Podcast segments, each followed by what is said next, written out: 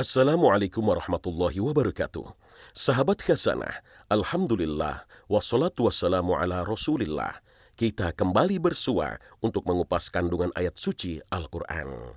Kali ini kita akan melanjutkan kisah penyerangan Abraha ke kota Mekah untuk menghancurkan Ka'bah. Bangsa Arab yang berada di wilayah Hijaz sebenarnya termasuk aman dari penjajahan asing. Kedua kawasan itu tak memiliki apa pun kecuali dikelilingi alam padang pasir yang ekstrim, seolah-olah jadi benteng kokoh dari serangan musuh. Imperium besar saat itu ada dua, yaitu Persia dan Romawi. Dua kerajaan adidaya saat itu tak berminat untuk memperluas kekuasaan hingga Jazirah Arab, termasuk Hijaz dan Najd karena beratnya medan tempuh, panjangnya jalur logistik, dan ganasnya padang pasir. Tapi daya tarik dari negeri Hijaz adalah kota Makkah, karena di sana berdiri Ka'bah yang selalu ramai dengan kunjungan para peziarah. Inilah sumber ekonomi bagi bangsa Arab yang tinggal di kawasan itu.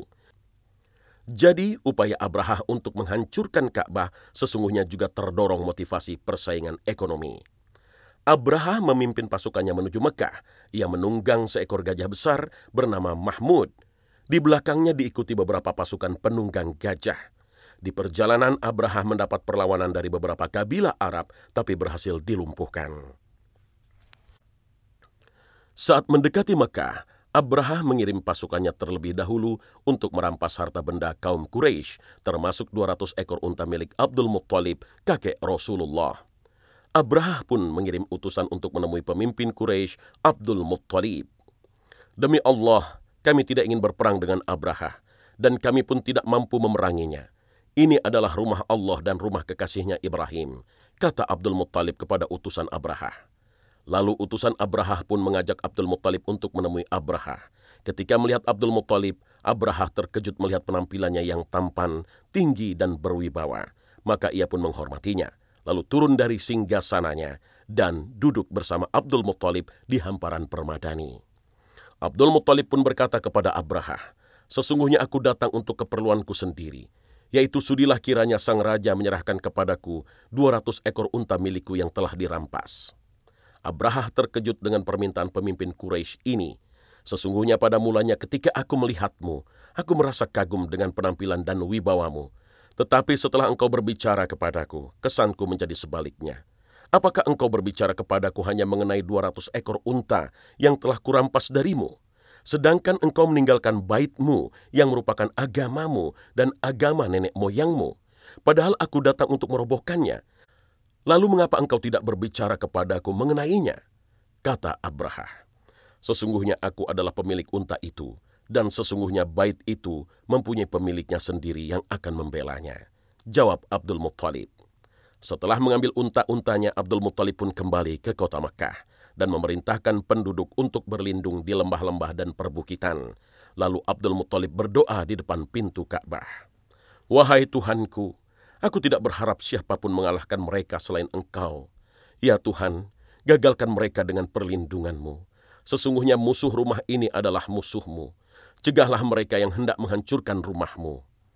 Allah Ta'ala mengabulkan doa Abdul Muttalib saat pasukan Abraha mulai bersiap-siap berangkat, gajah besar bernama Mahmud yang ditunggangi Abraha tak mau berdiri. Setelah dipaksa berdiri dan diarahkan ke Ka'bah, gajah itu kembali duduk. Tapi ketika diarahkan ke Syam atau Yaman, gajah itu bisa berlari. Tiba-tiba dari arah laut, ribuan burung datang menyerang. Tiap-tiap ekor burung membawa tiga buah batu. Satu batu di paruhnya, dan dua batu dipegang oleh masing-masing dari kedua kakinya. Tiada seorang pun dari mereka yang terkena batu itu melainkan pasti binasa. Setiap batu yang mengenai pasukan Abraha langsung mencerai-beraikan tubuhnya. Peristiwa ini diabadikan Allah dalam surat Al-Fil. Peristiwa ini diabadikan Allah dalam surat Al-Fil. Wa arsala alaihim tayran ababil tarmihim bihijaratin min sijil faja'alahum ka'asfin ma'kul. Dan dia mengirimkan kepada mereka burung yang berbondong-bondong, yang melempari mereka dengan batu berasal dari tanah yang terbakar. Lalu dia menjadikan mereka seperti daun-daun yang dimakan ulat. Al-Quran Surah Al-Fil ayat 3 hingga 5. Allah Azza wa Jalla membinasakan dan menghancurkan mereka akibat kesombongannya. Abraha pun terluka parah dan berusaha melarikan diri. Ketika sampai di kota Sana'a, dadanya terbelah dan jantungnya terkoyak. Ia pun mati dalam keadaan terhina. Kata Toiron Ababil ditafsirkan oleh Yusuf Ali dalam The Holy Quran secara simbolis tidak secara literal sebagai burung ababil yang dikirim dari neraka. Maknanya dalam ayat itu sebagai penyakit menular seperti tipes dan cacar. Kata Toiron ababil bisa jadi ditafsirkan sebagai serangga atau virus. Berdasarkan tafsiran ini, surat Al-Fil ini mengisahkan tentang pasukan gajah yang tewas terkena wabah penyakit menular dan mematikan di tengah perjalanan mereka menuju Mekah untuk menghancurkan Ka'bah. Tak sulit bagi Allah untuk menghancurkan musuh-musuhnya dengan cara di luar nalar manusia. Hakikat kekuasaannya tak terbatas dan berlaku sampai saat ini dan masa yang akan datang.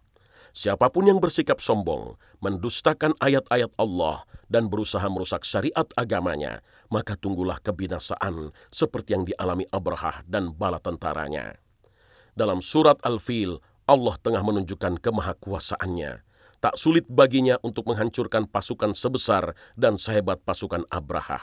Hanya dalam sekejap, pasukan yang gagah berani itu berubah jadi tak berdaya dan akhirnya binasa diibaratkan dengan daun-daun yang bertebaran dan dimakan ulat, sebuah perumpamaan yang merendahkan dan menghinakan.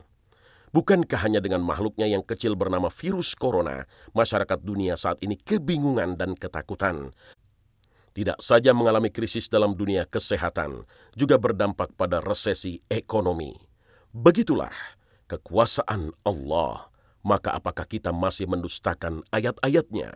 Wallahu a'lam. Wassalamualaikum warahmatullahi wabarakatuh.